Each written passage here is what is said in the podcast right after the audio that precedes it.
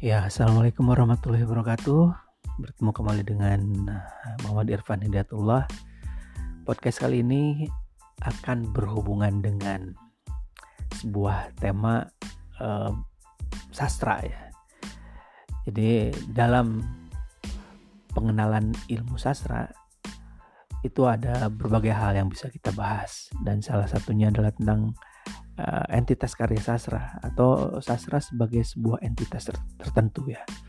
Nah, entitas atau keberadaan karya sastra itu seperti apa sih seperti itu ya? Nah, yang pertama uh, kita identifikasi dulu sastra ya. Uh, sekalipun misalnya uh, sastra itu tidak memiliki definisi yang ajeg atau yang tetap, tapi karya sastra dapat diidentifikasi uh, dari ciri-ciri yang melekat pada padanya ya tentu saja karya sastra itu adalah sebuah entitas keberadaan yang di sana ada ciri-cirinya. Ada sesuatu yang bisa kita uh, apa istilahnya? Indra bukan indra ya bisa kita lihat gitu, bisa kita baca lah seperti itu bisa kita baca.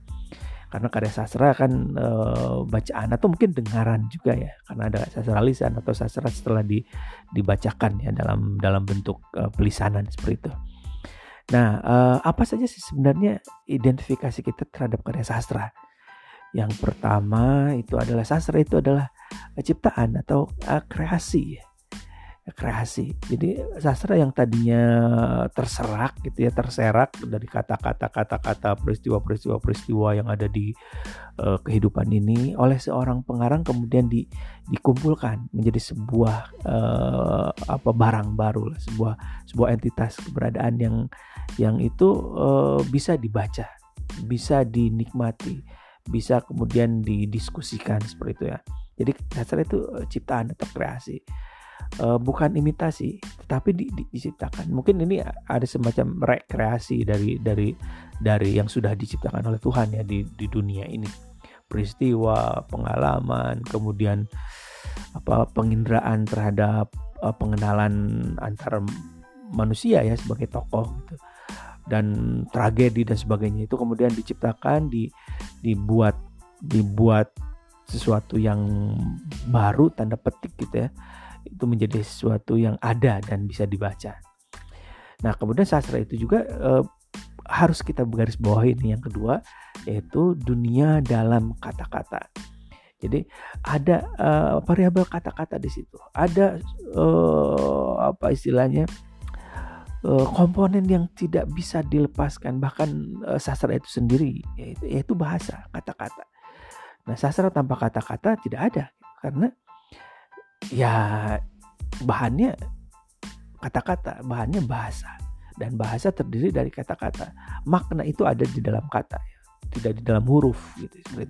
Jadi ketika huruf dirangkaikan kemudian menjadi kata, kemudian kata itu di di apa dikreasikan oleh uh, pengarang atau penulis itu kemudian menjadi menjadi uh, apa istilahnya menjadi sebuah karya gitu. Baik puisi baik cerpen uh, novel dan sebagainya itu kemudian menjadi sastra jadi sastra adalah dunia dalam kata.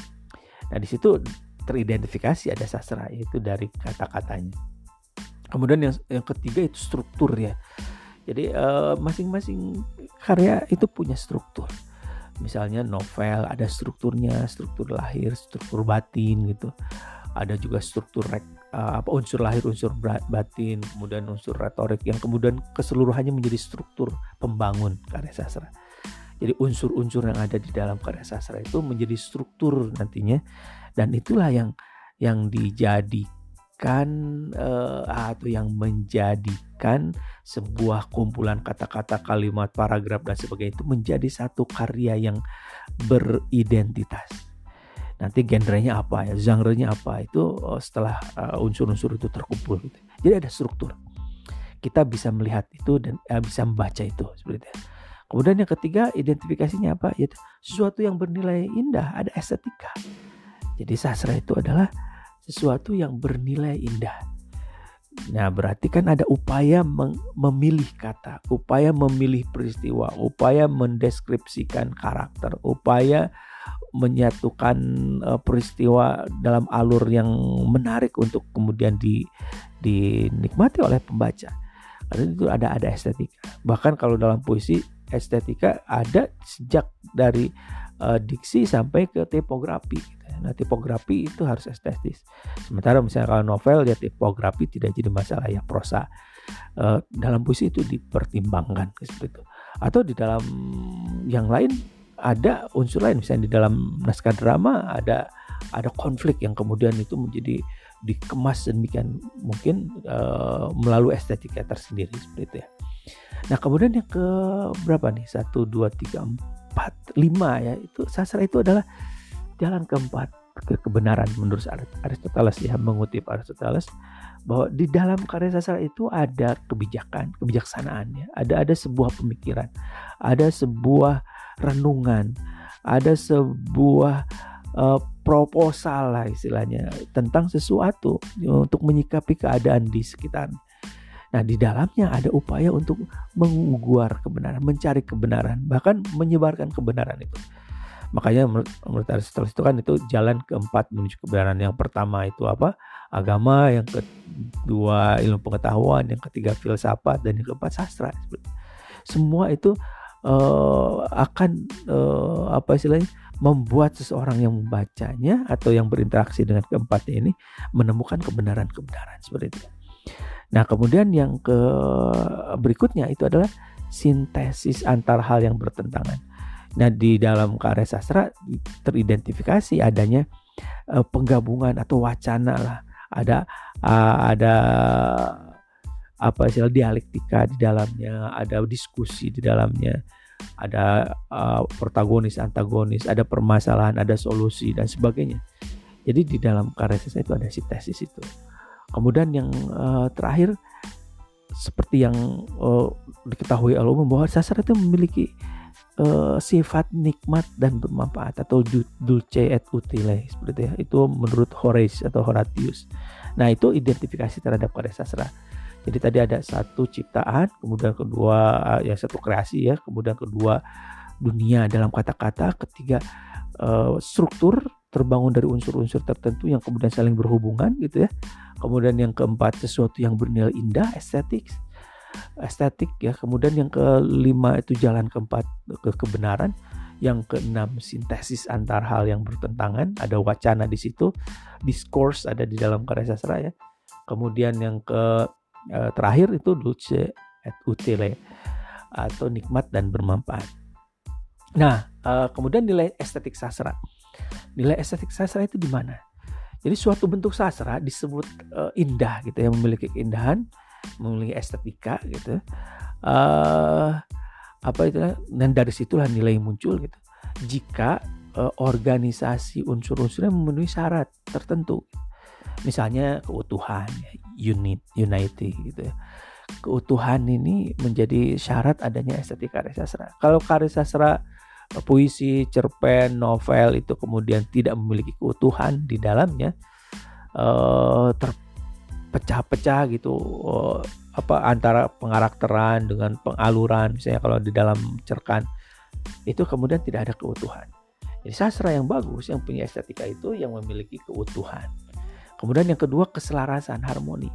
Harmoni. Ada ada ada sesuatu yang di di di apa? direka gitu, direka. Makanya sastra itu fiksi ya. Fiksi. Nilainya apa sifatnya. Mau puisi, mau cerkan itu fiksi. Beda lagi dengan genre fiksi ya. Maksudnya itu ada ada upaya untuk diharmonikan antar unsurnya dan sebagainya keselarasan. Dalam puisi misalnya ada ada irama, ada rima, metrum gitu ya. Kemudian juga ada enjambment gitu ya, pemotongan di akhir-akhir larik itu. Kemudian ada pembaitan dan sebagainya. Itu untuk harmoni.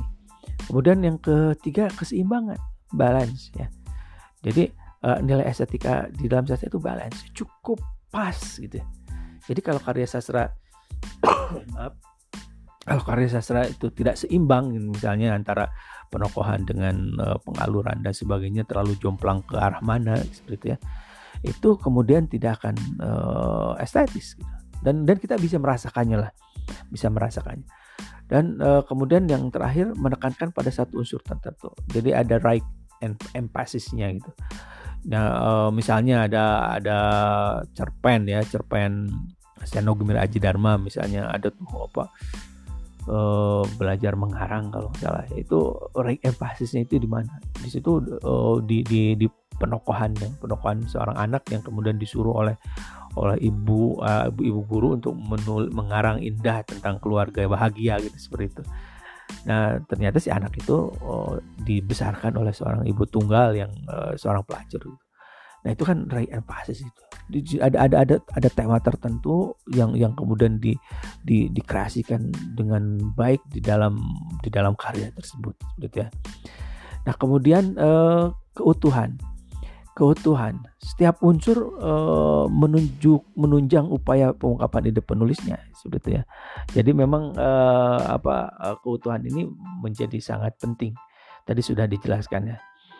Dan dalam karya sastra juga tidak tidak punya tidak ada unsur yang kebetulan. Semuanya direncanakan secara saksama oleh pengarang. Jadi pengarang itu memang e, mengkreasikan dari awal uh, kemudian mungkin di outline kan direncanakan mau nulis apa. Ya walaupun itu secara spontan misalnya dia pasti perencanaannya di dalam pikiran gitu. Secara saksama uh, setelah itu baru akan utuh keluar.